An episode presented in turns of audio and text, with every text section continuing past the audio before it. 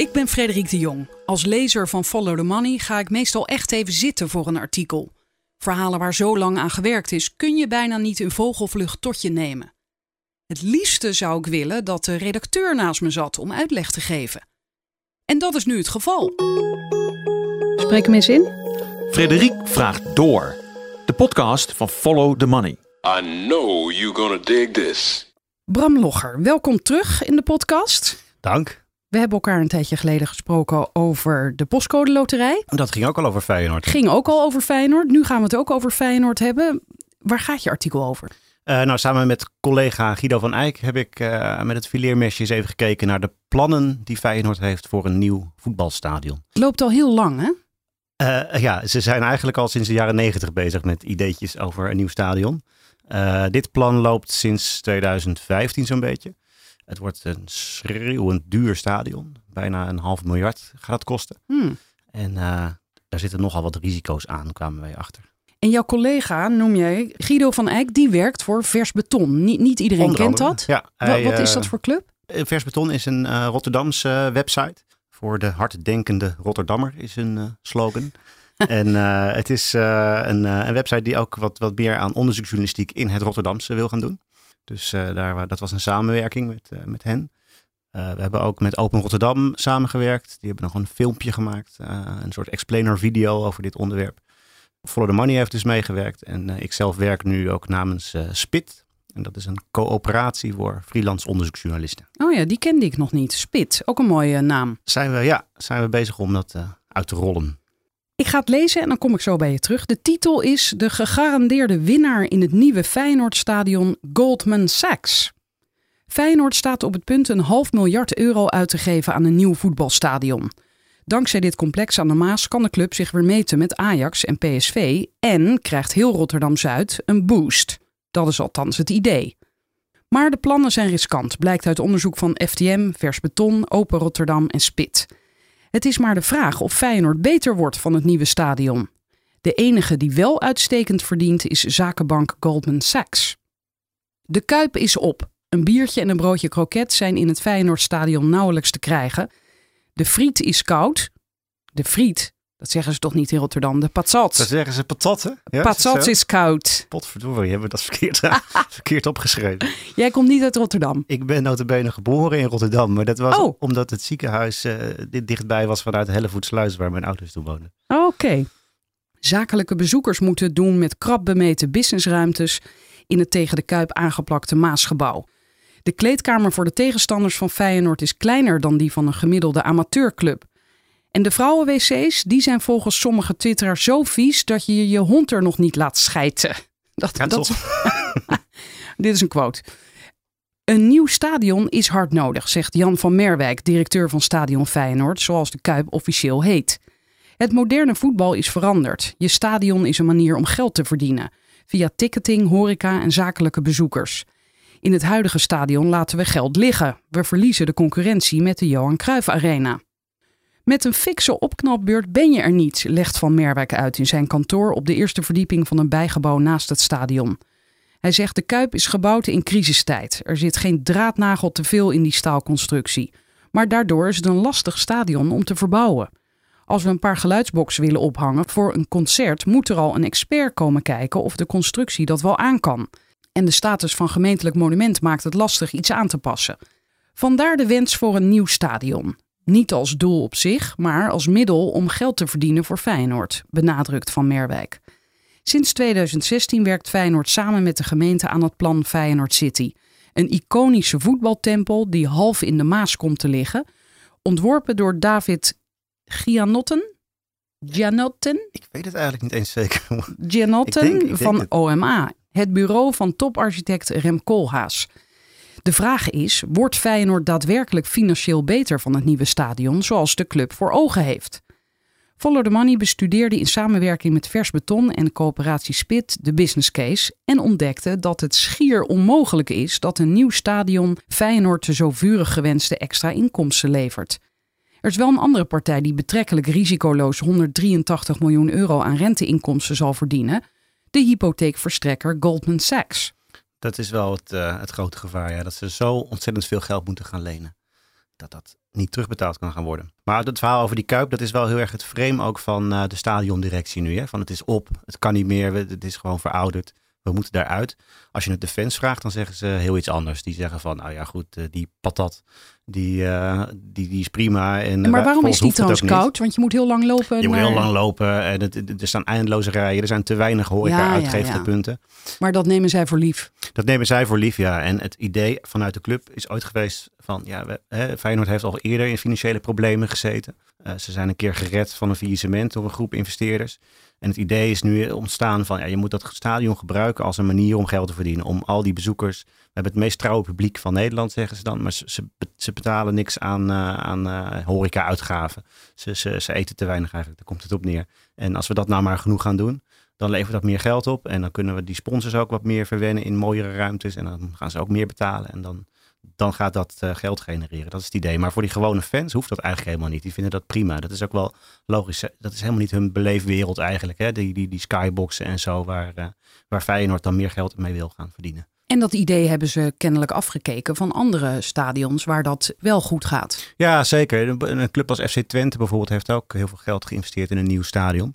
Maar dat werkt, dat werkt op zich wel goed. Je hadden daar ook een soort horeca-model waarbij je echt, nou ja, de, de gewone fans konden dan gewoon frituur en bier uit de tap krijgen. Maar voor de best betalende mensen kon je zelfs een, van een sterrenchef een diner krijgen voorafgaand aan de wedstrijd. En dat hadden ze zo helemaal in verschillende doelgroepen gesegmenteerd. En dat leverde heel veel geld op, relatief dan voor FC Twente. Dus, dus maar het kan is wel. die investering er al uit? Nou, dat is Twente, ja, dat is een beetje een lullig voorbeeld misschien. Die zijn ook weer recent gered door de gemeente Enschede. Om, ja. uh, omdat ze, nee, die, die, die hypotheek was ook te duur voor Twente. Dus dat, was, uh, dat ging daar ook mis. Ja, dus dat... Maar het, het idee, het, het, dat, het idee van je kunt een stadion gebruiken om meer geld te verdienen, dat, dat klopt op zich wel. Dat is in de, in de huidige Kuip kun je gewoon minder geld genereren dan, dan dat je in een nieuwbouwstadion zou kunnen. En ik noem nu hypotheekverstrekker Goldman Sachs. Um, waar kennen we die bank allemaal van? Want ja. hier staat nu hypotheekverstrekker, maar ze doen veel meer. Ze doen wel meer. Hè? Uh, in de crisis hadden ze natuurlijk ook een, uh, een, een, rol hè, waarvan uh, wel wordt gezegd. De, de, de, Goldman Sachs was eigenlijk de bank ook die bijvoorbeeld Griekenland in problemen heeft gebracht. en ja, het, het, was wel echt een van de grote zakenbanken op Wall Street. Die, was of is? Is nog steeds ja. natuurlijk. Uh, hè, die, maar die destijds ook uh, voor, voorafgaand aan de crisis daar nou, een beetje de schuld naartoe geschoven wordt. Van, die hebben gewoon te veel risico's genomen. Ja, ik zie hier een kader en dat heet Van wie is de Kuip? Leuk verhaal. Stadion Feyenoord werd in de crisistijd van de jaren 30 gebouwd. Mede dankzij een crowdfunding avant la lettre. Gewone Rotterdammers konden meebetalen en kregen in ruil een aandeel met zitplaatsrecht in de Kuip. Ja, dat weet ik, want een uh, schoolvriend van mij, ik kom uit Rotterdam, mm -hmm. die heeft zo'n aandeel. Kijk, inderdaad. Ja, ja. ja, De aandelen zijn nog steeds in omloop, geërfd of doorverkocht. Samen zijn die individuele aandeelhouders minderheidseigenaar van het stadion. De meerderheid van de aandelen in de Kuip is in handen van Sportclub Feyenoord, ook wel bekend als de amateurtak. Voor die constructie is bij de invoering van de betaald voetbal expliciet gekozen. De afgesplitste profclub Feyenoord werd huurder van het stadion. Stel dat de profclub failliet zou gaan, dan zou de amateurtak een nieuwe licentie kunnen aanvragen en al een stadion in eigen bezit hebben om in te spelen. In de praktijk zorgt deze eigendomsverhouding nu voor onrust doordat er veel verschillende belangen zijn. De gewone aandeelhouders willen hun zitplaatsen niet kwijt en moeten door Feyenoord City worden uitgekocht. De sportclub wil ook zijn invloed op het stadion niet kwijt. Profclub Feyenoord heeft als belangrijkste gebruiker formeel niets te zeggen over het stadion. Dat is ook vrij bizar eigenlijk, hè? Ja, nee, dat is, uh, het is ooit nou ja, zo bedacht van het kan handig zijn. In de praktijk geeft deze, deze constructie heel veel ellende. Er is inderdaad echt best wel een ingewikkelde uh, bedrijfsstructuur ligt er onder Feyenoord. Die, uh, nou ja, het stadion is dus van de, van de sportclub. Dat is de amateurtak eigenlijk van, van Feyenoord. in grootste deel. Maar dan zijn er ook nog die gewone aandeelhouders. Die hebben dus een stoeltje in de kuip op basis van het aandeel wat ze hebben. Maar in dat nieuwe stadion, ja, die willen dat niet kwijt. Dus die zeggen van koop ons maar uit. Nou ja, daar zijn ook eindeloze onderhandelingen over bezig geweest. En dat kost ook allemaal weer geld. Dus dat is, uh... Want ze kunnen niet mee verhuizen. Dat ze gewoon in het nieuwe stadion ook weer een stoel krijgen. Uh, dat zouden zij wel willen. Maar dan krijg je het probleem dat het nieuwe stadion en die lening van Goldman Sachs moet worden afgelost. En uh, ja, daarvoor zijn toch echt de inkomsten nodig uit de stoeltjes die verkocht moeten worden. Dus als je iedereen die nu een stoeltje heeft, want uh, bij de sportclub die ook aandelen heeft, hè, daar zitten de leden ook uh, op een goedkope manier in het stadion. Ja, daar willen ze eigenlijk vanaf. Want anders dan krijg je niet genoeg inkomsten uit kaartverkoop om straks die hypotheek te kunnen betalen. Dus dat is het uh, gevecht wat nu een beetje gaande is. En er zijn heel veel pogingen al ondernomen in het verleden ook om die organisatie wat, wat simpeler te maken en een soort één Feyenoord te creëren. Uh, dat is tot op heden niet gelukt. En ook van de mensen die wij spraken, die zeggen ook van ja, dat is ook wel het probleem waarom het nog altijd niet gelukt is om een nieuw stadion te bouwen.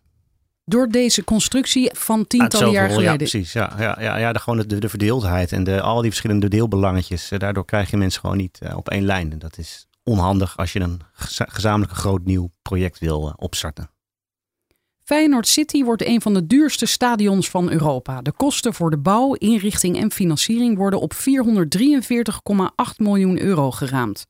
En daar zit de prijs voor de grond, die de gemeente voor 60 miljoen aankoopt, nog niet eens bij in. In totaal betreft het een investering van een half miljard. Een kapitaal vergeleken bij andere stadions. De Johan Cruijff Arena kostte bij oplevering in 1996 127 miljoen. Oh, gecorrigeerd voor inflatie een kleine 200 miljoen. Oké, dus we, we, zaten op uh, eh, 4,5 miljoen. Dat gaat eh, de Kuip dan kosten. En de Arena heeft 400, dan... 450 miljoen, uh, het nieuwe Feyenoordstadion. Ja, ja dus uh, de Arena heeft minder dan de helft gekost, kunnen oh, we zeggen. Zoiets, ja. ja. Het half zo grote Gelredoom van Vitesse, ook een multifunctioneel nieuwbouwcomplex, kostte zo'n 70 miljoen. En dat zou dan nu 103 miljoen zijn geweest. Ook buitenlandse topclubs bouwen goedkopere stadions. Duurdere stadions zijn er overigens ook. Arsenal betaalt meer dan 500 miljoen. En na enorme kostenoverschrijdingen hing aan het nieuwe onderkomen van Tottenham Hotspur in Londen een prijskaartje van bijna 1 miljard. Mijn god, hoe, ziet, hoe ziet dat stadion eruit? Wat hebben ze daar gedaan? Uh, dat uh, zal misschien met de grond maken. Ik heb me daar niet helemaal in verdiept waarom dat zo duur is. Ik, wat ik ervan begreep is dat gewoon tegenvaller op tegenvaller. Eerst was het beton duurder en het staal. En daarna bij de inrichting gingen de installaties werkten niet goed. En nou ja, dat is, je hebt van die ah, Noord-Zuidlijn. Ja, dat, dat, dat gehalte, ja. Maar Engelse clubs zijn rijker. De Spurs verdienen alleen al aan de televisierechten voor de Premier League jaarlijks 150 miljoen pond. En dat is 165 miljoen euro. De uitzendrechten in de eredivisie leveren Feyenoord slechts 7,5 miljoen euro op. Tottenham verwierf vorig jaar ruim 400 miljoen euro aan inkomsten, terwijl Feyenoord toen uitkwam op 100 miljoen. En dat was Feyenoords beste jaar ooit.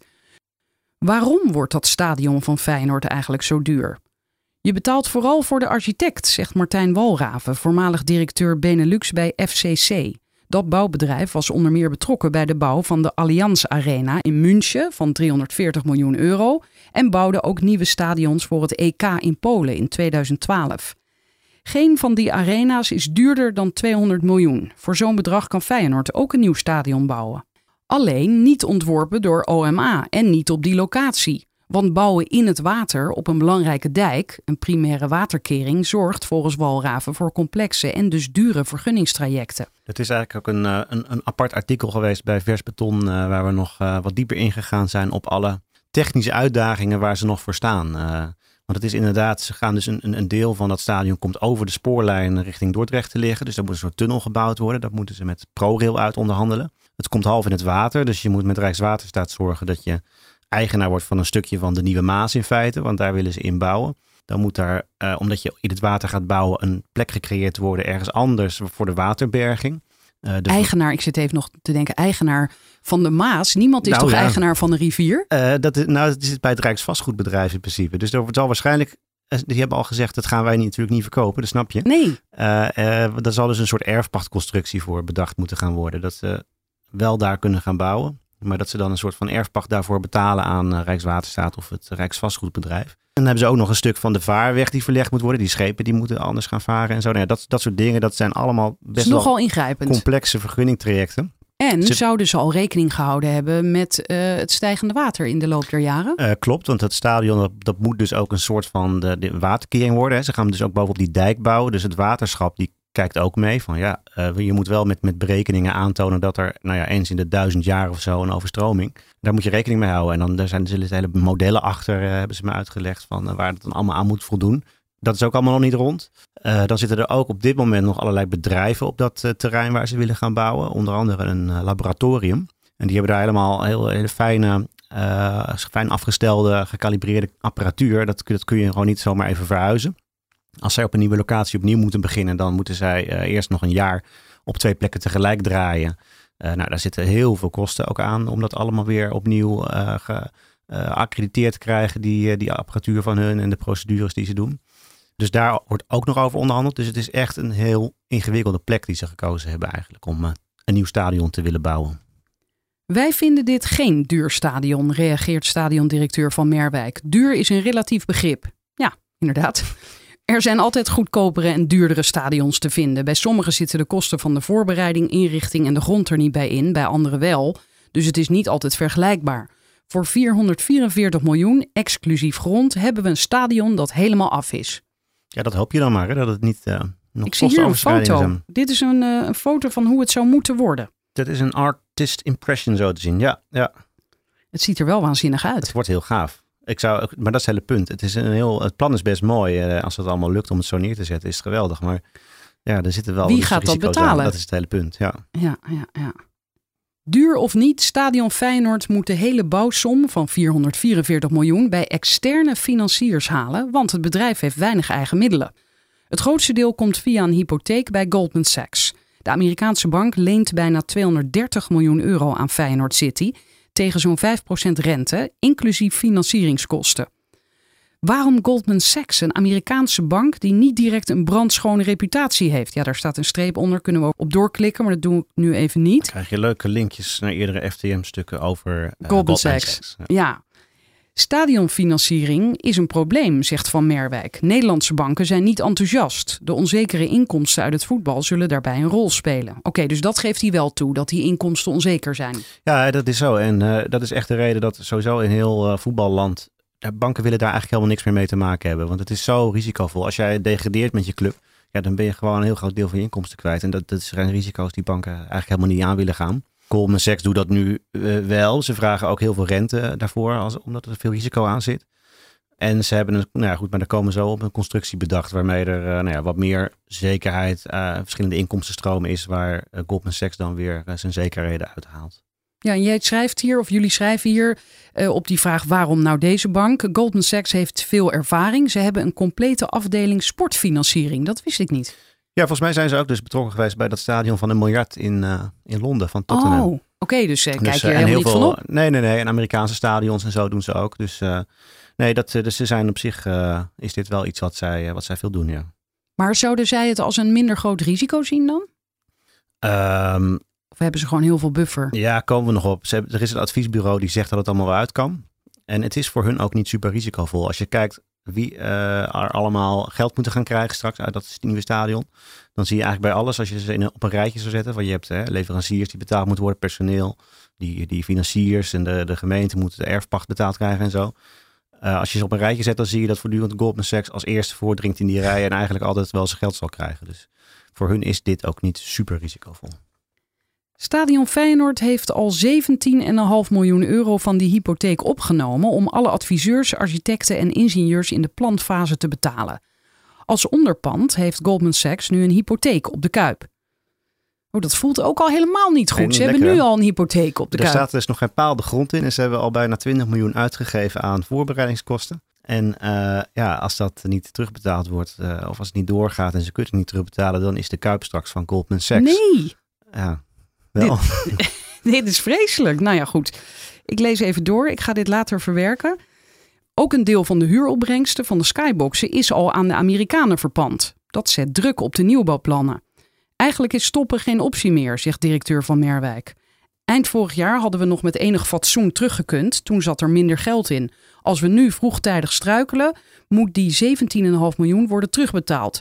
Dan zit Stadion Feyenoord met een grote schuld. Bijkomend probleem: Goldman Sachs financiert maar de helft. De andere 220 miljoen euro moet Feyenoord zelf bij elkaar brengen door investeerders te strikken die aandelen willen nemen in het nieuwe stadion. En dat loopt stroef. Feyenoord City verkoopt voor 100 miljoen aandelen die geen stemrecht geven, maar wel een gegarandeerd dividend van 6%. De zogeheten CUMPREFs. Ja, preferente. Cumulatief preferente aandelen, ja, ja. in goed Nederlands. Dus dat betekent ook dat je voorrang krijgt. Ja, die krijgen sowieso in principe 6%. Dus, uh, dat klinkt als best een goede... uh, dat, dat, lijkt een leuke uh, belegging. desalniettemin is het ook weer niet een heel hoog rentepercentage. En wat, je, wat we ook horen is nu dat die ehm, mensen die eventueel geïnteresseerd zijn in deze aandelen, die 6% niet zo interessant vinden, die zeggen doe mij maar een stoeltje. Ik, dan ga ik wel met een parkeerplaats of zo en dan, dan kom ik daar wel uh, lekker uh, in de kuip zitten. Nou, sowieso is dit natuurlijk, lijkt me voor, voor iedereen die hier uh, in, nou behalve voor Goldman Sachs dan, in zou willen investeren, is de, heeft dat een emotionele waarde. Ja, zeker. Dat, dat denk ik ook. Ja. Je, moet het, je moet toch een soort van nou ja, liefhebber zijn die het belangrijk vindt dat het stadion er komt. want voor een leuk rendement zijn er wel betere beleggingen te verzinnen, denk ik. Maar dan moet ik denken aan jou, uh, een van jouw vorige artikelen waar wij het over gehad hebben, de postcode loterij. Mm -hmm. Boudewijn Poelman, de directeur daarvan, dat is een liefhebber. Sterker nog, hij uh, werd de, de, de, sponsor. Ja, nee, klopt. Hij zit, die, die zit, dat is een van die vrienden van Feyenoord. Hè. Dat zijn uh, beleggers die in een, uh, in een in verleden het, uh, de voetbalclub gered hebben. Die worden ook gevraagd om mee te doen inderdaad. Die moeten zo'n 30 miljoen euro bij elkaar gaan, gaan leggen. Met z'n allen? Met z'n allen. Om ook aandeelhouder in het stadion te worden. Het lastige is dat die, die investeerders, wie het precies zijn, weten we niet. we horen inderdaad dat zo'n Boudewijn Poelman erop staat. Pim Blokland is ook iemand van wie wel bekend is dat hij daarbij zit. Maar die mensen hebben ook weer misschien niet allemaal hetzelfde idee over of dit nieuwe stadion nou zo, uh, zo slim is of niet. Dus uh, het zou kunnen dat Poelman bijvoorbeeld zegt van ik wil juist weer niet in dat stadion investeren. Dus, uh. Ook daar is dus verdeeldheid. Ja. Dus op alle vlakken verdeeldheid eigenlijk. Het lijkt er wel op. even kijken.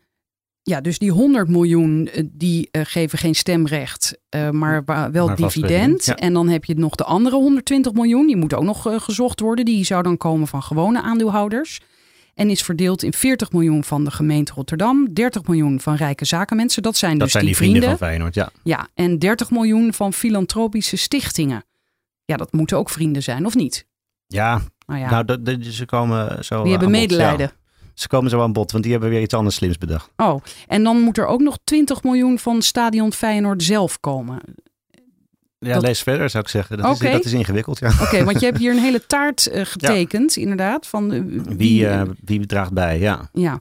Dat laatste, die eigen bijdrage van Stadion Feyenoord, lijkt lastig. Het stadionbedrijf heeft de afgelopen jaren al 23 miljoen euro uitgegeven aan plannen voor de nieuwbouw. Mede daardoor is het eigen vermogen volgens de laatste jaarrekening 3 miljoen negatief. Maar dat is geen probleem, zegt Karl Berg, de financieel directeur van Feyenoord City. Hij draagt een wit overhemd met daarop zijn initialen geborduurd. Hm. Werkte in een bescheiden kantoortje tegenover de Kuip de financiering uit. En hij zegt als Feyenoord de Kuip verlaat, komen er onder andere woningen in het stadion. In het oude stadion bedoelt hij? Ja, de Kuip dat moet verbouwd worden tot een soort appartementencomplex. Oké. Okay. Er komt een bierbrouwer in, geloof ik, hmm. en, en, een, een atletiekbaan. Er zit, oh, sorry. Ja, ja? dat is het idee. Maar dus zo, zover zijn ze nog niet om dat echt uit te werken. Er zit dus geld in de eindwaarde van de Kuip. En totdat het nieuwe stadion opengaat, houden we inkomsten. De liquiditeitspositie van het stadion is gezond. Marco helpt daarbij. Wie is Marco? Borsato. Oh, wacht even. Marco. Marco helpt daarbij. Hij wijst naar buiten, waar een groep grondig opgemaakte vrouwen van eind 40 richting stadion stiefelt voor een concert van Marco Borsato. Nou ja, het is lang het verhaal geweest van dat de Kuip ook niet meer geschikt zou zijn voor grote concerten. Uh, en die, die waren ook een tijdje niet. Maar nu ze geld nodig hebben, zijn ineens weer uh, nou ja, allerlei uh, Borsato-concerten. En Ramstein is geweest, geloof ik. Dus het is. nou ja, blijkt daar, het daar wel wordt te nu weer kunnen. geld. Ja, het blijkt Ja. toch te kunnen. Het was een tijdje een argument ook van. Nou ja, zie je wel, we hebben een nieuw stadion nodig. Maar nu er geld nodig is, blijken er toch wel weer artiesten geïnteresseerd om in de kuip te gaan staan. De enige aandeelhouder die tot nu toe zeker meedoet, is de gemeente. Ja, he- helemaal zeker is het ook weer niet. Ze, ze hebben een soort een position paper opgesteld van de voorwaarden waaraan dan het plan moet voldoen. Als het plan daaraan voldoet, dan doen ze mee. Dat is het. Oké. Rotterdam heeft er belang bij om 40 miljoen in stadionaandelen te steken. Dit stuk stad tot leven wekken is een lang gekoesterde wens op het stadhuis. Nu bestaat dit deel van Rotterdam-Zuid uit een verouderd bedrijventerrein en een asfaltzee waar voetbalfans op wedstrijddagen hun auto parkeren. Een nieuw stadion moet de aanjager zijn voor een metamorfose tot hippe woonwijk vol winkels en sportfaciliteiten. Naast 40 miljoen in aandelen koopt de gemeente ook de grond onder het nieuwe stadion voor 60 miljoen. Feyenoord City betaalt dat geld terug via erfpacht. Ook investeert de stad zeker 35 miljoen in de infrastructuur. Ja, dat is waar we in dat tweede artikel wat we bij FTM eh, hebben gepubliceerd. Dat is eh, inmiddels meer ook op al ingaan. online, hè? Ja, het Ja. staat online. En dat, daar gaan wij iets meer in op de rol van de gemeente Rotterdam. Want dat, dat is ook wel echt een van de drijvende krachten achter dit stadionplan. Uh, bij de gemeente zeggen ze heel graag van nou, Feyenoord wil graag zo dat nieuwe stadion. Want dat is voor hun belangrijk uh, financieel. Zeggen ze ook wel. Maar de gemeente wil dit ook al, al heel graag en heel lang ook al. Die hebben echt een soort plan met dat stuk van Rotterdam-Zuid. daar is nu zo'n soort bedrijventerreintje met een gamma. En nou, het is allemaal niet heel erg florissant. Uh, en dat, dat moet een soort ja, chique entree worden als je daar via de zuidkant, hè, bij, voorbij de Brine Noord, uh, vanaf de A16 de stad inrijdt. Uh, dat het een soort van mooie nieuwe wijk wordt in plaats van het allegaatje van rommelig bedrijventerrein en wat, wat flats en zo die je daar nu ziet. Dus daar, daar moet dan het idee dat je eigenlijk liever niet op Zuid wil zijn voor goed mee verdwijnen. Ja, dat is het idee. En als je ja, in Rotterdam, als je in Rotterdam hebt over Rotterdam Zuid, dan is daar meteen de, de eerste gedachte daarbij van daar moet iets mee. Dat is arm, verloederd, daar moet je. Nou, net moet, zoals in uh, Amsterdam Noord. Dat was ooit ook een gebied waar veel mensen van zeiden: Nou ja, daar kom ik nooit. Wat heb ik daar te zoeken? En dat is nu ook helemaal hip en happening. Ja, klopt. En dat, dat proberen ze ook een beetje te, te pushen hè, bij de gemeente Rotterdam, om dat in Zuid ook voor elkaar Maar dat, dat lijkt toch, dat is toch. Uh, is dat een goed idee? Ja, ja, tuurlijk. Dat is helemaal niet zoveel mis mee. Maar wat er nu uh, gebeurt eigenlijk is dat ze. De gemeente Rotterdam wil dat graag. Maar in feite schrijven ze nu, hè, dan zeggen ze van dat stadion moet daar een soort van um, de, de aantrekker voor zijn. Uh, maar dat moet dan Feyenoord maar betalen. Daar komt het eigenlijk op neer voor het grootste deel. Dus ze bedragen natuurlijk wel iets bij, maar dat is uh, uh, niet heel veel eigenlijk. Dus het is ook een beetje gemeente Rotterdam die voor een dubbeltje op de eerste rang wil zitten. En het is niet dat ze geen geld hebben. De gemeente Rotterdam. Nou ja, daar komt de verkoop van Eneco aan, geloof ik, binnenkort. Dat gaat een miljard opleveren. Dus het zou mij niet verbazen als er uit dat potje hier nog wat weggepoetst moet worden, zal ik maar zeggen, qua verliezen. Wacht even, qua verliezen? Nou ja, als, mocht, mochten ze dit stadion gaan bouwen en het blijkt dat, er, ja, dat het veel duurder je. wordt. Ja, dan, nee, want dan, dan, Eneco... lijkt mij dat het, de verkoopopbrengst van Eneco daarvoor wel eens gebruikt zou kunnen gaan worden. Ja. Andere investeerders zijn nog niet bekend. Velen kijken naar Kees de Bruin. De vermogende president-commissaris van Stadion Feyenoord is volgens quote goed voor een vermogen van 1,3 miljard. Zodra hij een flink bedrag investeert zonder een al te hoog rendement te eisen, kan de financiering snel rond zijn. Maar De Bruin doet vooralsnog niets en wil niet met ons praten. Andere potentiële investeerders zeggen intussen dat zij niet meedoen als Bruin niet meedoet. Er is wel een toezegging van Stichting De Verre Bergen, het filantropievehikel van de Rotterdamse familie van der Vorm. Ja, die zijn rijk geworden met de Holland-Amerika-lijn. Dat is een investeringsmaatschappij. Die zijn onder meer de eigenaar van het Financiële Dagblad bijvoorbeeld. De Verre Bergen wil 24,5 miljoen euro bijdragen aan de bouwkosten, maar is niet geïnteresseerd in aandelen. In plaats daarvan wil de stichting voor de hele levensduur van het stadion 3900 stoelen reserveren om arme kinderen uit Rotterdam-Zuid gratis naar het voetbal te laten gaan. Hé, hey, dat is een leuk idee. Nobel, hè? Ja. Nou, Ja, jij zegt, hoor ik daar enige Nou, ironie, Nee, cynisme? dat is, dat, is heel, dat is heel nobel. Maar het, het, het past alleen helemaal niet in de financieringsopzet die ze er vanuit het stadion gemaakt hebben. Want het is, eh, maar goed, als je- Nou, ze gooien gewoon een balletje op. Ze zeggen gewoon van, oké, wij doen mee als. Nou, je, je- Nou, ze die niet alleen een balletje opgooien, het is wel de eis die ze gesteld hebben. En zoals het nu ook vormgegeven gaat worden. dit, Eh, dit gaat gebeuren. Dit gaat gebeuren, ja. Oh. Zij, zij krijgen die stoelen. Eh, en dan betalen ze dus eh 24,5 miljoen geloof ik mee aan de bouw van het stadion. Maar wat je dan krijgt is dat je eigenlijk, je zoekt investeerders die die aandelen willen nemen. Die dus het mede risico dragen voor het geval daar toch te weinig inkomsten binnenkomen. Eh, en daar past deze filantropie stichting voor. Die zegt, weet je wat, wij kopen gewoon eh, voor 24,5 miljoen die kaartjes wel voor de rest van eh, de levensduur van het stadion. En dan hebben wij ook ons doel bereikt van die kinderen naar het stadion laten gaan. Nou, hartstikke mooi natuurlijk. Maar voor de andere investeerders is dit niet zo handig, zullen we zeggen. Ja, ze hebben kennelijk een persbericht uitgebracht. En daarin zeggen ze, schrijf jij hier, er zijn kinderen die praktisch naast het stadion wonen, maar nooit een wedstrijd bezoeken. Ook kinderen uit gezinnen die het niet breed hebben, moeten de mogelijkheid krijgen de sfeer in het Feyenoordstadion te proeven. Hier staat steeds Feyenoordstadion, Mhm. hè, natuurlijk in de volksmond de Kuip. Gaat die, dat nieuwe stadion wel de Kuip heten of niet? Eh, nee, daar Oh. moet ook geld mee verdiend worden. Dus Wacht we krijgen even. de? Coca-Cola Arena of zoiets. Nee. Nou ja, ik weet niet of het Coca-Cola hoor, maar er, er wordt een sponsor gezocht die 3,5 miljoen euro per jaar moet gaan betalen om met zijn naam, hè, zoals je in München dus die Allianz Arena hebt, dat is een grote verzekeraar. Eh, Juventus heeft eh, het Allianz Stadium geloof ik, dus die eh, zelfde sponsor. Emirates Stadium heb je in, in Engeland. Dus dat is iets wat in Nederland nog niet heel bekend is. Sommige stadions hebben wel zo'n sponsornaam, maar dat kent dan niemand of iedereen vergeet dat. Eh, Iedereen verdrinkt dat eh, waarschijnlijk. Ja, ja, precies. Maar ik neem toch aan dat de Rotterdammers gewoon de- Kuip de Kuip blijven Ja, noemen, waar, waar die ook Eh, staat. En- Lijkt mij ook. En tegelijkertijd is dat het risico natuurlijk van zo'n sponsor die er 3,5 Ja. miljoen voor moet betalen om... nou ja, goed. Zullen zien of dat gaat lukken. Ja, nee, ik ga er toch nog even door. Ik, ik ben nu inderdaad aan het nadenken. Welk bedrijf gaat hier zijn handen aan branden? Ja, ze, ze, ze, de- wat ik wel gehoord heb, maar dat werd ook wel weer ontkend, is dat ze het havenbedrijf misschien eh Oh. wilde sponsoren. Dus dat je dan een soort van eh, de Port of Rotterdam Stadium of zoiets eh, krijgt. Maar ja, het is ook een beetje ingewikkeld, want dat is in principe een bedrijf dat in handen is van de gemeente. Hè? Die hebben de aandelen daarin. Dus het is ook een soort publiek Dus dan krijg je. Dus dan zou je een soort van belastinggeld sponsoring krijgen. Dus dat is ook niet heel voor de hand liggend. Maar dat was een naam die ik wel eens gehoord heb. Ja, nee, eh, een, een, een grote een Frank van der Walbaken, dat is een sportmarketeer die, eh, die ik even sprak. Die had het inderdaad ook over ja, nou, Coca-Cola Arena, waarom niet? Dus, Oh eh, mijn god. Ja, ja, ja, ja. Je, moet- je moet wel een groot wereldwijd merk hebben eigenlijk, hè? anders dan gaan ze dat niet betalen. 3,5 miljoen is wel een hoop geld. Dus- Want dat is per jaar of Ja, eenmalig? nee, per jaar. Per jaar. Ja. Ja, dus je hebt net uitgelegd eh, wat die stichting de Verre Bergen wil voor de kinderen. Ja. En jullie schrijven dan hier: de inbreng van de Verre Bergen heeft in overleg met Goldman Sachs niettemin een plek in de financieringsstructuur gekregen. Ja, oftewel, zij doen mee. En Van Merwijk, de directeur van het stadion, zegt dan: Kijk, als iemand zoveel geld komt brengen, dan proberen we toch een plek te geven.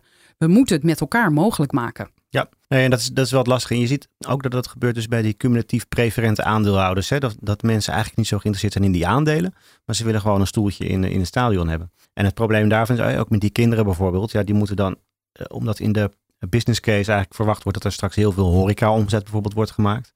Ja, die kin- gaan die kinderen die dan eh, komen allemaal kroketten en cola of zo Dat denk ik niet. consumeren. Ja, Of- dat moet je ook maar afwachten. Of een paar maar. Ja. ja. En eh, nou ja, zo geldt dat dus voor, voor meer investeerders. Als, als je een stoeltje al hebt, dan kun je dat niet meer verkopen. Dus als dat jouw rendement is, zal ik maar zeggen, dan zit je daar misschien wel veiliger mee dan, eh, dan met die paar procent eh, dividend die ze misschien beloven. De totale bouwkosten van 444 miljoen euro en de financiering daarvan zijn twee zijden van wat Karel Berg, die financiële directeur, zijn driehoekje noemt. De derde zijde is de business case, de verwachte inkomsten waarmee Feyenoord City de exploitatiekosten betaalt, zijn hypotheek aflost en de aandeelhouders dividend uitkeert. Voetbalclubs hebben grofweg zeven structurele inkomstenbronnen: sponsoring, merchandise, kaartverkoop, business seats en skyboxen horeca, televisiegeld en winstpremies uit Europees voetbal. Clubs hebben doorgaans een stadion in eigen beheer of huren een stadion en strijken alle inkomsten zelf op. Maar Feyenoord City wil iets nieuws doen. Het stadion aan de Maas wordt straks, als enige in Europa, gerund als een schouwburg. Het stadion verkoopt de kaartjes, verhuurt de skyboxen en exploiteert de horeca. Uit die opbrengsten betaalt het stadion een optreedvergoeding van 25 miljoen per jaar aan de artiest. Namelijk profclub Feyenoord. Wacht even hoor, wat is dit is voor die, iets? eh, ja, nou goed, dat is waar we het eh, even terug over hadden. Eh, die extra veiligheid voor Goldman Sachs zit hier eigenlijk in. Dus het is niet zo dat jij, eh, normaal heeft een, eh, als je een stadion wil eh, financieren, dan heb je dus een, eigenlijk één huurder, namelijk een voetbalclub. Mocht die voetbalclub per ongeluk degraderen, dan ja, gaat hij zijn huur niet meer kunnen betalen, normaal gesproken. En dan ben je als hypotheekverstrekker voor zo'n stadion de klos. Wat ze nu doen, is eigenlijk veel meer inkomsten rechtstreeks aan het stadion laten gaan. Dus het, eh, zowel de, de kaartjes verkopen, de, de huren van de skyboxen, het, eh, de horeca die je daar eh, hebt. Daar zijn meer kurkjes zeg maar, aan inkomsten waar het dan op drijft. En dat is wat extra zekerheid voor de hypotheekverstrekker in feite. Oké. Dat is de reden waarom het gedaan is. Maar het is wel uniek. Dus Wembley werkt wel een beetje zo in, in Londen.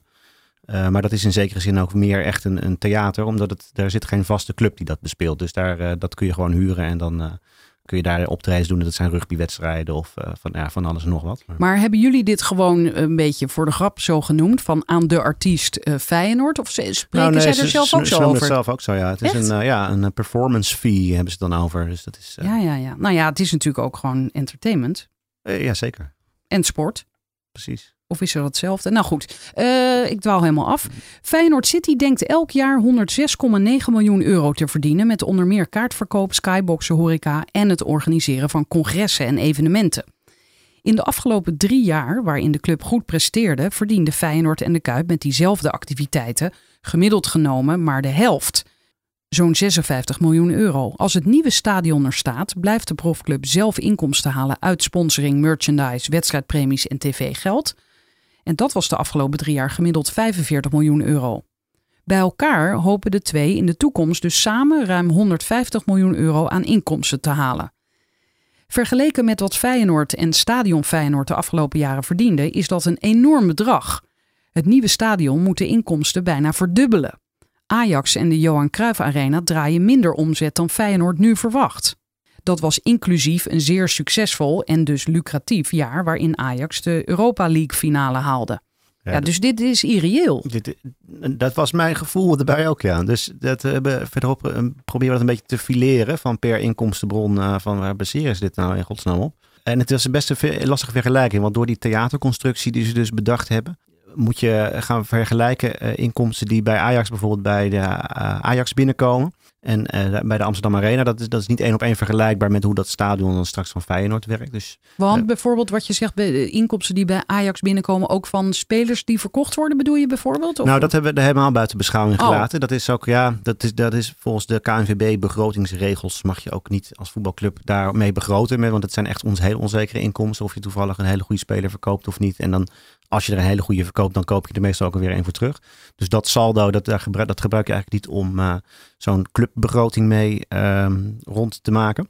Uh, maar wat je bijvoorbeeld ziet is dat bij Feyenoord City, ja, daar komen straks de inkomsten uit de, de huur van de skyboxen, zeg maar. Dat komt bij het stadion binnen. Terwijl bij de Amsterdam Arena, uh, daar werkt het zo dat Ajax eigenlijk die inkomsten krijgt. En Ajax betaalt dan weer huur aan de arena. Nou, die huurinkomsten heeft Feyenoord City dan niet straks als stadion. Uh, maar ze hebben dan wel dus de inkomsten rechtstreeks uit die skyboxen. Nou ja, goed, je, je, moet uh, eigenlijk dus zowel de inkomsten van de club als van, de, van het stadion bij elkaar optellen.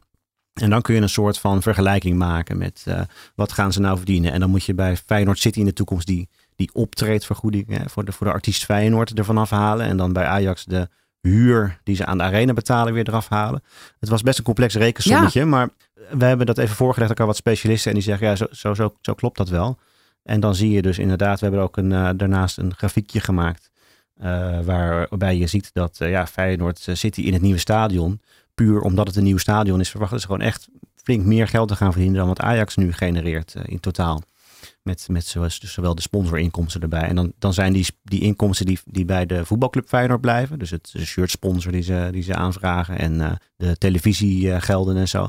Dat, dat hebben we dan al een beetje conservatief ingeschat. Misschien dat ze eigenlijk verwachten dat het nog wel meer wordt. Dus het is inderdaad de vraag, ja, hoe reëel is dit? Maar daar gaat dan het, het vervolg van het stuk ook over. Ja, hier gaan jullie inderdaad verder met de vraag: waar baseert Feyenoord City die verwachtingen op? De belangrijkste consultant in deze is de International Stadia Group, ISG. Dit Britse bureau rekende de verwachte inkomsten door, mede in opdracht van Goldman Sachs. Het rapport van ISG is geheim, maar de plannenmakers hebben er veel vertrouwen in. We zijn heel blij met de doorrekening van ISG, want zonder zo'n onafhankelijke check krijg je geen financiering, zegt Karel Berg. De financiers vertrouwen op ISG, ISG moet dat natuurlijk zijn, al dus van Merwijk. En dan schrijven jullie maar andere experts die we deze business case voorlegden, denken daar heel anders over. Ja, we hebben echt geprobeerd om een beetje punt voor punt. Hè. Ze, ze hebben dat, uh, dat staat ook in het stuk, dat lijstje met al die verschillende inkomstenbronnen op een rijtje gezet. Van nou, waar, waar baseert het nou op? De inkomsten bijvoorbeeld uit de skyboxen en de, en de business seats, dat, dat moet verdrievoudig ongeveer ten opzichte van wat ze nu mee verdienen in de Kuip. Nou, je kunt natuurlijk best, het wordt groter, er, er, zijn ook meer stoeltjes, dus er zal best wel meer inkomsten uitkomen. Maar of het nou echt drie keer zoveel kan zijn, dat leek mij heel veel. Dus ik sprak onder andere met bureau Hypercube. Dat is een, ook een, een bedrijf wat consultancy doet in stadion-exploitatie. en ja, zij geven dat ook aan van, ja, weet je, als alles mee zit, dan kan het misschien wel. Maar waar ze niet mee rekening gehouden hebben, die, die business cases ook uiteindelijk geschreven alweer een paar jaar geleden. Um, en je, je kunt wel een hoop geld verdienen met zo'n business seats als je inderdaad bij een voetbalclub zit die, nou ja, zoals Ajax eigenlijk vorig jaar presteerde. Afgelopen seizoen in de Champions League halve finale gehaald. Twee jaar daarvoor uh, finale uh, UEFA League. Ja, dat, dat, dat, dat, dat wil wel. Daar willen mensen wel naar komen kijken en ook wel voor betalen. Maar als je nou steeds ja, derde of vierde wordt, zoals Feyenoord de laatste jaar presteert, dan, dan dalen toch de prijzen die je kunt vragen voor zo'n voor zo'n skybox of zo'n business seat. En wat Pieter Nieuwenhuis van Hypercube ook tegen mij zei, is van ja, weet je, de, Ajax heeft de afgelopen twee jaar zo'n grote voorsprong eigenlijk opgebouwd. Die ga je niet meer inhalen. Je gaat niet meer net zulke goede spelers als Ajax kunnen kopen. Dus zal Feyenoord normaal gesproken ook niet echt serieus mee kunnen doen om het landskampioenschap bijvoorbeeld. En dan kun je zo'n 37,5 miljoen euro, ja, dat is gewoon eigenlijk achterhaald. Dat is niet meer reëel. Dat kun je niet meer in zo'n business case schrijven, zegt hij. En hetzelfde hebben we in feite gedaan bij nou, de kaartverkoop. Uh, dat, dat moet ook flink omhoog gaan. En dan is er door de gemeente Rotterdam een ex, uh, extern bureau ingehuurd om ook nog eens een keer kritisch naar die business case te kijken. En zij zeggen dan ook van, nou ja, we zien hier dat er wordt weer hè, wat extra geld aan toegevoegd zonder eigenlijk duidelijke onderbouwing van. Uh... Nou, daar kan ik me nog wel iets bij voorstellen. Dat als er een nieuw stadion is, dat er meer uh, mensen nieuwsgierig worden en ja. zeggen, nou, daar wil ik er ook eens heen. Klopt, dat is, dat is waar. Uh, een soort novelty effect wordt dat dan genoemd. En dat, dat, is, dat is wel iets waar je, waar je rekening mee kunt houden. En dat, dat levert wel geld op. Maar het is ook wat je zegt, het is nieuw. Maar na vijf jaar is dat misschien niet meer nieuw. Nee. En ze hebben wel elk jaar die inkomsten nodig om de hypotheek te kunnen blijven betalen. Dus dat is een lastige. En uh, dat bureau Brink, wat dan door de gemeente in is gehuurd, die, die constateert ook van ja, Feyenoord krijgt straks wel de duurste seizoenkaarten van uh, alle Nederlandse clubs. Kun je ook afvragen dat is ook van ja, vrij past, bizar, dat nou, ja, past dat nou bij een volksclub als Feyenoord? Dus uh, nou ja, goed, op zich is het ook trouw publiek, dus misschien zullen ze het nog wel betalen hoor. Maar ja, ook daarvoor geldt van het is wel een beetje rooskleurig. En dat zegt dat bureau Brink ook op een gegeven moment in, in het rapport zeggen van het risico dat de geprognosticeerde omzet niet gerealiseerd kan worden, ja, dat neemt toe. Dat is eigenlijk een conclusie. En dan kom ik even terug op wat jij eerder zei. Als het allemaal niet goed loopt, dan is Goldman Sachs dus eigenaar van dat nieuwe stadion. Maar nu denk ik opeens, ja, dat, dat is allemaal leuk, maar wat moeten ze daar dan mee? Nou, dat is ook zo, ja. Nou, dat, daar kunnen zij niet zoveel mee. Want je, ja, dan uh, zullen zij ook dat moeten exploiteren of zo. Dus dat is voor hun niet zo interessant. Je kunt dan wel gaan kijken van, nou, is er een partij die het wil overnemen bijvoorbeeld? Uh, dat is bij andere stadions ook wel gebeurd, dat het failliet ging. En dat je dan een exploitant zoekt die zegt van, nou ja, wij nemen het dan voor weinig over en dan gaan wij het wel uh, proberen uh, winstgevend te krijgen. Als een, met een andere bestemming, dus alleen nog maar concerten bijvoorbeeld. Niet met een voetbalclub, toch? Lijkt me. Uh, nou, die kun je er ook in houden natuurlijk. Dat levert wel inkomsten op. Dus uh, in, in zekere zin is dat ook wel weer een soort van de bescherming voor de voetbalclub Feyenoord in dit, okay. in dit project. Zij staan hier in principe buiten. Dus hè, we zeiden net al van ze hebben eigenlijk geen zeggenschap. Dat hebben ze straks ook niet, uh, niet echt. Ze krijgen als artiesten een soort die optredvergoeding. Artiesten, ja. en uh, ja, daar goed, het is, het is entertainment. Hè? Ja, zijn er en, eigenlijk meningen bekend van spelers? Nee, nee. nee, die laten zich weet. er niet ja, over uit. Nee, nee, dat ligt ook allemaal veel te gevoelig dan natuurlijk. En die hebben daar ook zoiets, we denken van, ja... Weet je, als dat stadion er helemaal is, dan zijn wij zij waarschijnlijk al lang weer getransfereerd naar een andere club. Ja, dus. dat is ook waar. Ja, ja, ja. Maar zou dit nog uh, invloed hebben gehad op het spel? Al die jaren van onzekerheid en ellende. Nou, wat, wat het wel zeker invloed op heeft gehad, is dat er best wel al veel geld is uitgegeven is afgelopen jaren aan het ontwikkelen van, uh, van stadionplannen. Uh, en dat is wel geld wat je niet in je selectie kunt ja, steken. Dus dat is. Zie je, daar ga je al. ja, precies. Dat leidt uiteindelijk tot minder goede voetballers. Dat, dat zou kunnen, ja. Toch heeft Feyenoord City CFO Karel Berg het volste vertrouwen in de berekeningen van ISG. Het bureau heeft misschien wel 40 of 50 van dit soort dingen gedaan, waaronder Atletico Madrid en Tottenham Hotspur. Grote en kleine stadions. De meeste stadions die zij onderzocht hebben, performen beter dan verwacht. Dat is mooi hè, als mensen over performen gaan beginnen ja. in interviews. Ja. ja, ze doen het beter dan verwacht dus. Nou, dat is mooi. Maar in Zweden denken ze daar anders over. Vanaf 2007 dacht ISG mee over een nieuw stadion in Solna. Zo blijkt uit een pagina op de site van ISG die inmiddels is verwijderd. Hey, maar via de Wayback Machine nog te vinden is. Dat is een mooie tool hè, voor journalisten. Ja, ik moet nu denken aan die teletijdmachine van professor nou, dat Barabbas. Is, dat is het bijna, ja. Voor, nou, als je oude websitepagina's wil zoeken, dan ga je dus naar het soort internetarchief eigenlijk, die uh, oude versies van websites opslaan. Maar ze hadden dus die pagina verwijderd. ISG wil desgevraagd niet reageren op zijn rol in Solna. De Friends Arena of de Friends Arena werd in 2012 opgeleverd en is vergelijkbaar met Feyenoord City. Net als Rotterdam moest ook het stadion in Solna, een voorstad van Stockholm, zorgen voor de ontwikkeling van een achtergebleven industriegebied. Daarom nam de gemeente, net als Rotterdam, voor zo'n 40 miljoen euro aandelen in het stadion. Voor Solna werd de Friends Arena een financiële ramp. De gemeente van 80.000 inwoners verloor 70 miljoen euro in het stadionproject. Dat begon al bij de bouwkosten. Die liepen van de geplande 180 miljoen op tot ruim 300 miljoen euro. En ook de exploitatie liep mis. De vele grote acts die er zouden komen bleven weg. Bij wedstrijden van hun thuisclub AIK of AIK, AIK. AIK zit het stadion half vol. Ach, als aandeelhouder moest de gemeente elk jaar een paar miljoen bijdragen om de verliezen te compenseren.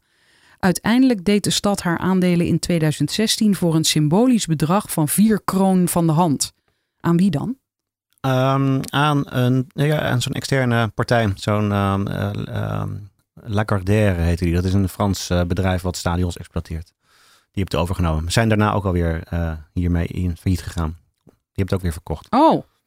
Ja, en ook dat idee dat dus in Europa allerlei stadions weer van buitenlandse bedrijven zijn. Het is één grote weerwar eigenlijk. Ja, het is een soort uh, commercieel vastgoed exploiteren ja. wat je doet. Ja. Geld dat bestemd was voor onderwijs en ouderenzorg is gebruikt om verliezen van een commercieel stadionbedrijf te compenseren, zegt Arne Euberg, raadslid voor de Sociaaldemocraten. Euberg deed namens zijn partij onderzoek naar de verliezen die de stad door het stadion leed. Het rapport uit 2016 leest als een waarschuwing voor de gemeenteraad in Rotterdam. Ook Bernard Huber, raadslid voor de Groenen, in Zweden dus, heeft geen goed gevoel overgehouden aan Solna's stadionavontuur. Hij zegt een gemeente kan best helpen bij de bouw van een nieuw stadion, maar hou het nou bij zichtbare investeringen, bijvoorbeeld in infrastructuur. Blijf weg van investeringen in aandelen. Word hoe dan ook niet zelf mede-eigenaar. Afhankelijkheid van exploitatieinkomsten van een stadion kan bovendien zorgen voor belangenverstrengeling, waarschuwt hij. Als stadioneigenaar wil je zoveel mogelijk evenementen met zoveel mogelijk mensen. Maar als gemeente ben je ook verantwoordelijk voor de openbare orde en moet je misschien juist evenementen verbieden en optreden tegen hooligans. Ja, dat is ook nog een goed punt. Ja, klopt. Uh, dat is ook iets wat we tegenkwamen. Dat hebben in ons tweede artikel wat meer uh, bij stilgestaan. Uh, maar er is een hoogleraar um, economische geografie aan de Universiteit van Oxford. Die heet Bengt Flufberg. En die heeft heel veel onderzoek gedaan naar dit soort grote megaprojecten eigenlijk. En ook waarom die altijd veel duurder uitpakken dan van tevoren verwacht was. En een van de dingen die hij ook constateert is van, ja, je krijgt vaak, wat je ziet is dat bestuurders bij een gemeente bijvoorbeeld, die krijgen een soort dubbele petten op. Want die worden zowel um, een soort van de, uh, vertegenwoordiger van het plan, zeg maar. Die willen dat doorduwen. Tegelijkertijd hebben ze het algemeen belang te, dienen. En dat gaat gewoon niet altijd goed samen. Dat, is een van de redenen waarom je op een gegeven moment in een traject komt. Waarbij je voor, zowel de bouwbedrijven die betrokken zijn, als de aannemers, als de wethouder die daar politiek prestige mee kan winnen. Uh, zijn er heel veel factoren waarom je het wel wil laten doorgaan. En dan kom je al gauw in een soort echokamer uit waarin iedereen tegen elkaar zegt, ja, inderdaad, ontzettend goed idee. Uh, en kritische tegengeluiden die worden dan buiten de deur gehouden. Uh, en nou ja, dit is daar ook een onderdeel in inderdaad van, nou, je, je, als gemeente, je, je, vergeet op een gegeven moment een beetje de rol die je eigenlijk als uh, overheid hebt. Is de Rotterdamse gemeente op de hoogte van deze casus in Zweden? Uh, als het goed is wel, want het, de hele reportage uit uh, Solna is te vinden op versbeton.nl. Dan nog een langer verhaal. Ik ben daar geweest en uh, gezien hoe het eruit ziet. Ook omdat het was een tip van uh, een van de mensen die wij spraken. Zei van, goh, je moet daar eens gaan kijken. Zelfde bureau bij betrokken geweest. En ook een beetje dezelfde achtergrond hè, van het oorspronkelijke idee van we moeten vanuit de gemeente, we gaan een beetje achtergebleven gebied in onze stad gaan we ontwikkelen. En die, dat stadion, dat wordt daar een soort van de trekker voor. nou, en op zich, als je daar rondloopt, het is een megalo stadion met een gigantisch winkelcentrum erbij. Dat is echt een soort van hoogkaterijnen met nog drie extra verdiepingen en twee keer zo groot of zo. Waar je verdwaalt daar echt in. Ja, het is allemaal, het glimt en het is gelikt en het is heel veel beton en glas en staal. Moet je van houden. Maar op zich, iedereen is er wel over eens dat het dat heel goed gewerkt heeft voor die gemeente. Want wat er daarvoor was, het was gewoon ook een rommeltje. Oh, dus ondanks dat het dus een debakel was, heeft het wel goed gewerkt? Ja, nou ja, voor de stad als uh, aan zich, zeg maar, die gebiedsontwikkeling wel. Dus dat is hè, wat, hetzelfde als wat ja, maar we als net er, zeiden. als er niemand komt, nou niet niemand, maar als er te weinig mensen komen, kan je dan zeggen dat het werkt? Het gebied wel. Er zijn nieuwe woonflats gebouwd. Oh. Er zijn ook kantoren omheen gebouwd en zo. Hè. Dus dat is net wat ze in Rotterdam ook willen. Die gebiedsontwikkeling waar het eigenlijk om draait vanuit de gemeente. Uh, van we gaan dat, dat een beetje verpauperde industrieterreintje, daar gaan we een zou- hippe wijk van maken. Maar En dat, zou werkt. zonder een stadion misschien ook wel lukken. Dat is precies, dat is, dat is hele punt. En misschien, eh, nou ja, dan zeggen sommige mensen zeggen van nee, dat, dat zou niet werken. We spraken bijvoorbeeld ook met de gemeentesecretaris daar in eh, Solna. En die zegt van ja, zonder, zonder dat stadion was dat er ook niet gekomen. Ja, en andere raadsleden zeggen dan weer van nou, dat had, dat had prima gekund. Hoe dan ook, daar is iedereen wel over eens. Van je moet niet als gemeente ook nog betrokken gaan raken bij het exploiteren van zo'n stadion. Want dan kom je op de commerciële markten voor concerten en voor eh, voetbal, waarvan je niet weet of een club degradeert of niet. Dat zijn allemaal extreem onzekere inkomsten. Ja, die risico's moet je als overheid niet willen lopen. Dat is eigenlijk hun voornaamste les. En dat neemt niet weg dat het eh, ontwikkelen van zo'n wijk best een goed idee kan zijn natuurlijk. Maar even terug naar dat, dat ISG dit voorbeeld van, eh, helemaal van de site heeft gehaald. Dat, dat zegt toch ook genoeg? Ja, het is, eh, ja, nee, ik was ik heb een beetje aan het googlen inderdaad. En je komt dan op het algemene pagina uit van, nou ja, ISG werkt nu ook weer samen met of is overgenomen door een andere partij. Dus je, je, je- alles wat je van ISG zoekt, kom je alleen maar op die pagina uit. Maar de oude versies zijn er nog wel eh, te vinden. In ieder geval in, in, het, in de internetkrochten. Dus nou ja, dan, dan zie je inderdaad dat zij ook wel degelijk vanaf 2007 hebben meegedacht over toekomstige exploitatieinkomsten. En dat is natuurlijk waarop financiers dan ook besluiten van oké, hier kunnen we wel geld in stoppen. En de gemeente ook. Ja, en dan komt dat allemaal niet uit. En op zich kun je ISG ook natuurlijk niet helemaal verwijten. Die hebben ook geen glazen bol. Dus het is natuurlijk ook niet een soort van... Nee, ehm, maar het zegt in ieder geval dat zij, tenminste mij zegt dat ze in ieder geval niet trots zijn op dat project. Nee, dat, dat, dat, lijkt, dat lijkt er eh, zeker op inderdaad. En wat je ook ziet is dat dus uh, anderen heel graag vergelijken met uh, nou ja, die casus in, in Tottenham of in Londen, Milaan. Allemaal prachtige voorbeelden van voetbalcompetities. Waar je uh, ook net als in Nederland 18 clubs hebt, maar dan verdeeld over een totaal inwonertal van een land wat drie, vier keer zo groot is als Nederland. Uh, en dat is ook commercieel natuurlijk een, een, belangrijke factor in. Wat, wat kun je nou aan inkomsten gaan verwachten uit uh, kaartjes verkopen en sponsors en die, die business seats verhuren. en wat dat betreft is ook Zweden misschien weer vergelijkbaarder met, met Nederland dan nou ja, een competitie in Spanje of in Duitsland of zo. Het Zweedse voorbeeld laat zien welke risico's ook in Rotterdam op de loer liggen. De Friends Arena zou break-even draaien met elke week een groot evenement, maar dat bleek toch niet helemaal haalbaar. Dit is Stockholm, niet New York, al dus raadslid Arne Euberg. Met als gevolg dat het Sportpaleis sinds de opening in 2012 al twee keer van eigenaar is gewisseld.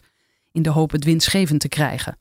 Business cases worden vaak geschreven om een plan door te laten gaan. Ondernemers gebruiken dat document om medewerking van bijvoorbeeld de overheid te krijgen, zegt Maarten Hoekstra, die vorige maand aan de Universiteit Twente promoveerde op zijn onderzoek naar business cases. Dromen van een financieel rooskleurige toekomst mag, maar een business case moet ook alternatieven hebben voor het geval het tegenvalt. Het plan van Feyenoord City doet me sterk denken aan de SS Rotterdam, een voorbeeld dat ik heb gebruikt in mijn onderzoek. Een business case vol optimistische aannames, veel wonderlijk taalgebruik, Engelse termen en zinnen die eigenlijk niets zeggen. Het is abstract en vaag.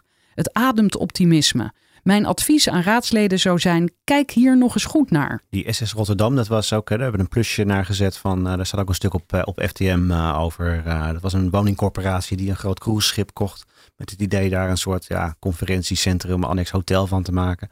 En dat heeft ze echt 200 miljoen geloof ik gekost om, om dat uiteindelijk opgeknapt en weer verkocht te krijgen. Dat was één groot debakel.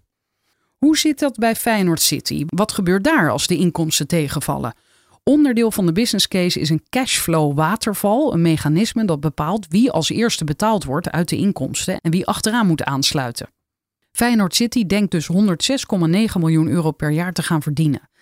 De eerste 44,5 miljoen gaat op aan exploitatiekosten salarissen, verzekeringen, de energienota, inkoop van bier en kroketten. Daarna gaat 3,8 miljoen naar de gemeentelijke belastingdienst voor OZB en erfpacht. Vervolgens mag profclub Feyenoord zijn jaarlijkse gage van 25 miljoen ophalen. Die vergoeding wordt jaarlijks geïndexeerd. Ja, oftewel, dat wordt steeds meer dus. Ja, ja. ja. Het bedrag dat over is, de omzet voor belasting, rente en afschrijvingen, is 33,6 miljoen euro. Uh, Goldman Sachs stelt daar een, een, eis aan dat ze dat bedrag wat je onder de streep overhoudt, dat moet minimaal twee keer zo hoog zijn als wat zij, die 16,8 miljoen, eigenlijk die de hypotheek kost bij Goldman Sachs. Dat bedrag keer twee willen zij dat je minimaal onder de streep overhoudt aan Waarom? winst. Zekerheid voor hun. Dat betekent dat als het tegenvalt, dan kun je nog altijd wel hun betalen. Dat is, daarom stellen zij die eis. Aha. Als de Amerikaanse bankiers zijn betaald, gaat 20,5% van de winst naar de fiscus als vennootschapsbelasting en moet er 2 miljoen in een pot voor onderhoudsreserve. De winst die dan overblijft gaat naar de aandeelhouders. Uh, nou goed, en wat, wij verder hebben uitgezocht is dat je uh, ziet, er is een soort, die waterval is gemaakt. En wij hebben er ook een filmpje van gemaakt. Dat vind je bij uh, Open Rotterdam op de website, maar ook in het stuk van FTM staat de link naar het YouTube filmpje. En daar leggen we eigenlijk precies uit van wie nou in welke volgorde zijn geld krijgt. En dan heb je dus, de, de los van de hypotheek, krijgen op een gegeven moment dus die investeerders hun dividend. er moet geld opzij voor een onderhoudspotje. Uh, daar moet uh, wat uh, betaald worden aan de Belastingdienst. Dus dat, dat, daar zit een volgorde in, die is afgesproken. en dat leggen we eigenlijk helemaal uit in dat filmpje. Dat is duidelijker dan dat je het helemaal op papier moet gaan uitlezen. Oké. En het komt neer op wat jij al eerder zei: van wat er ook gebeurt, Goldman Sachs staat vooraan. Zit redelijk safe, ja. ja. Maar wat nu als het tegenzit? Vorig jaar sloeg Jan de Jong stevig met zijn vuist op tafel. De Feyenoord-directeur, tot augustus 2017 nog de baas van de NOS eiste een garantie dat zijn club minstens 25 miljoen euro per jaar zou krijgen van het nieuwe stadion. De club geeft er immers de huidige inkomsten uit kaartverkoop, business seats en skyboxen voor op. Feyenoord zegt het toe zelf via investeerders 30 miljoen euro aandelenkapitaal op te halen en kreeg in ruil daarvoor gegarandeerd 25 miljoen per jaar van de omzet uit het stadion. Althans, dat was de afspraak eind december, toen de profclub groen licht gaf om de plannen door te zetten. Maar in de nieuwe business case, die twee maanden later werd gepubliceerd, staat iets anders. Van een garantie is geen sprake. Feyenoord krijgt die 25 miljoen alleen als de omzetprognoses uit de plannen worden gehaald. Als de omzet minder is, dan is de voetbalclub de eerste die moet inleveren. Nou, dat is een beetje gek, hè? Want je, dus, wat ik net uitlegde, er was een soort volgorde afgesproken van wanneer krijgt nou wie zijn geld. En nu staat er eigenlijk van ja, eh, als het een beetje tegenvalt, dan mag Goldman Sachs voordringen. Ja. En dan moet Feyenoord maar genoeg nemen. We hebben wat minder geld uit het stadion. Uh, en dan krijgt eerst de bank uh, zijn geld. Ja, zo, zo zou ik er ook wel in willen zitten natuurlijk. Het probleem daarvan is ook weer dat met 17,5 miljoen euro aan dat optredvergoeding uh, compenseert Feyenoord eigenlijk niet het, het, geld wat ze nu nog zelf in de Kuip verdienen uit die skyboxen en die business seats. Hè, dat gaat nu nog naar de club zelf. Uh, dat geven ze straks uit handen in ruil voor een soort vaste op, optreedsvergoeding. Uh, maar als die maar 17,5 miljoen euro is, dan schiet Feyenoord daar eigenlijk geen klap bij op. Terwijl dat nou juist het hele idee was achter een nieuw stadion. En daarom stellen jullie hier ook de vraag: heeft Feyenoord zitten slapen? De clubleiding wil geen antwoord geven op die vraag. Stadiondirecteur Jan van Merwijk ziet het probleem niet. Het geloven en het vertrouwen zitten in de business case. Dat we dat kunnen bereiken. En dat doen we als stadion en voetbalclub samen. Maar een lagere vergoeding voor profclub Feyenoord kan een probleem worden voor het nieuwe stadion. Minder inkomsten voor Feyenoord betekent minder goede spelers. Dat leidt weer tot minder goede prestaties en dus minder bezoekers, die minder willen betalen voor een stoeltje of een skybox. En ook weer minder bier en kroketten consumeren. Die visieuze cirkel is het grote risico in de business case van Feyenoord City.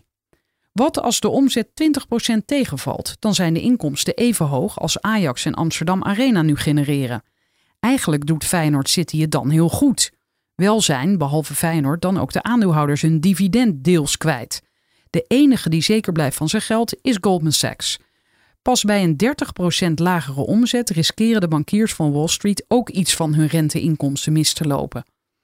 Maar zelfs dan genieten zij extra bescherming. Zo heeft de bank geëist dat Feyenoord City een reserve aanhoudt voor het geval het stadion de rente en aflossing niet meer kan betalen. Is dat dat dubbele bedrag wat jij noemde?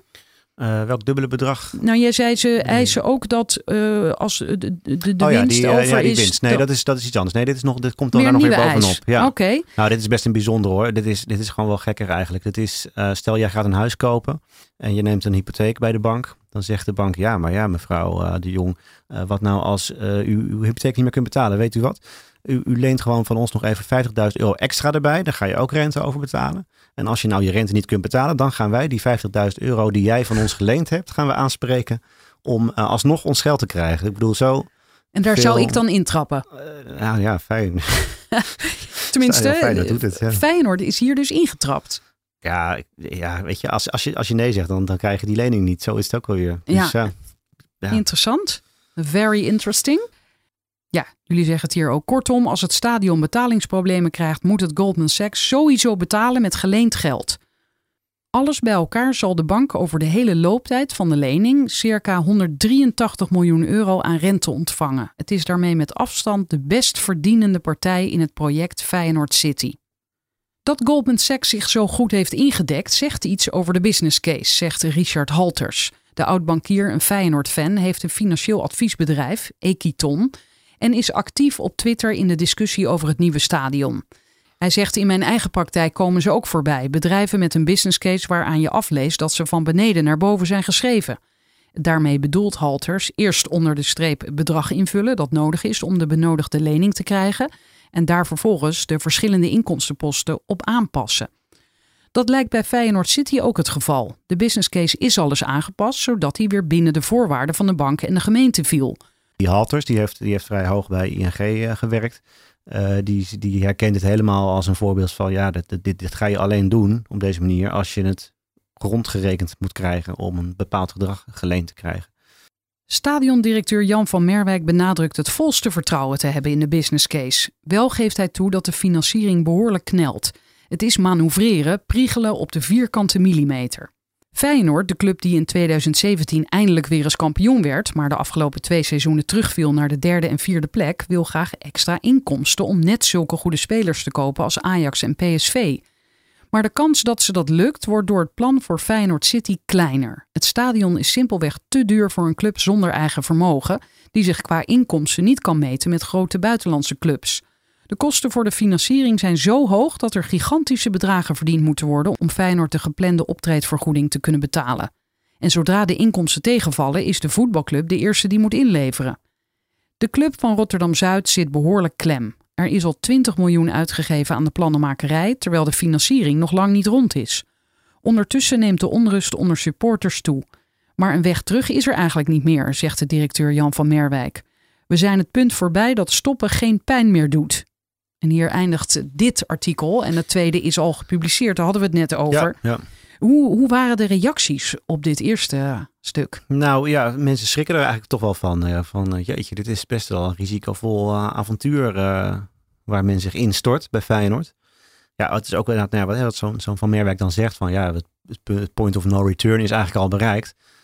Uh, en heel veel mensen hebben ook een beetje het gevoel van ja, hallo, dat, dat is ook een soort van geforceerd. Van we gaan gewoon nu zoveel geld uitgeven aan voorbereidingskosten. Dat je op een gegeven moment uh, niet meer terug kunt. En dat is, uh, ja, daar worden mensen wel chagrijnig van. Want even, er is nu al 20 miljoen ongeveer uitgegeven, hè, zeiden jullie aan de plannen. Ja. Maar als je dan bedenkt dat het plannen, inderdaad ja. 444 miljoen gaat kosten, Ja. dan zou ik denken, nou, denk nog even na over of je echt niet terug kan. Ja, nee, dat is, dat is ook zo, ja. Uh, dat is, dat is, uh, maar ja, dat, dat, die, die trein die rijdt. En ik heb niet de indruk dat die nog gaan stoppen. Maar dit zie je natuurlijk Uh, vaker, hè? Bij, bij, ja. altijd bij grote projecten. Wij als mensen zijn kennelijk heel moeilijk in staat om, om ons verlies te nemen. En te denken, "Mm, was toch niet zo'n goed idee misschien. Ja, nee, zeker. Ja. En nou, wat ik vertelde net hè, over die echokamer. Van uh, ja, zolang je in zo'n organisatie met elkaar zit en je hebt het idee van, nou, we zijn goed bezig en dit, dit, dit gaat het worden. Dan word je ook een beetje doof voor het uh, tegengeluid. Maar dat tegengeluid is wel ook mm, weer na aanleiding van deze publicaties wel weer toegenomen hoor. En we begrepen nu ook dat er een, er is een stichting opgericht die heet Vrienden van de Kuip. En die willen nu bijvoorbeeld gaan proberen om de stadiondirectie, die uh, in principe dus de opdrachtgever is van de plannen voor het nieuwe stadion, om die aanspraak te stellen. Dat, zijn, dat zijn ook die kleine eigenaren, die kleine aandeelhouders in de Kuip. En die zeggen van ja, hallo. Wij, Dit is niet die Jan van Meerwijk, uh, de, de, de, stadiondirectie. Ja, dat, ja, die willen ze aanspraak gaan stellen. Ja, ja dus, dus onder ja, andere Jan ja, van Meerwijk. Onder andere Jan van Meerwijk en, en, de, en de Raad van Commissarissen. Uh, van, nou ja, jongens, luister eens. Jullie hebben 20 miljoen euro uitgegeven. Maar ons als aandeelhouders is eigenlijk nooit iets gevraagd. Bovendien staat in de statuten van Stadion Feyenoord dat de, de doelomschrijving eigenlijk van dat bedrijf is het in stand houden van de Kuip. Uh, dat is iets anders dan uh, een heel nieuw stadion te gaan bouwen. En zomaar activiteiten gaan ontplooien die in strijd zijn met de doelstelling van uh, de statutair van jouw bedrijf. Dat, dat mag ook niet zomaar. Dus, uh, dus, er zijn nu ook mensen ja, aan het kijken of je daar juridisch nog iets aan kan gaan doen. Ja, dan kom ik toch ook weer even terug op die naam. Als het doel is het in stand houden van de Kuip, mm -hmm. dan mag hij ook geen andere naam krijgen, toch? Dat zou je ook zeggen, ja. Nee, klopt. Ja, uh, ja. Nou ja, goed, ze, ze formuleert dan zo breed hè, ja, allerlei andere activiteiten die daar mede aan zouden kunnen bijdragen, et cetera, et cetera. Uh, dus ja, ze zullen er ongetwijfeld ook wel weer een juridische manier voor vinden om te zeggen dat het wel bijdraagt aan. Dat is natuurlijk afwachten hoe dat gaat lopen. Maar uh, nou ja, het is volgens mij goed. Uh, en ook in de, in de politiek, uh, die, die, die gaan in principe ook wel hier aan meedoen.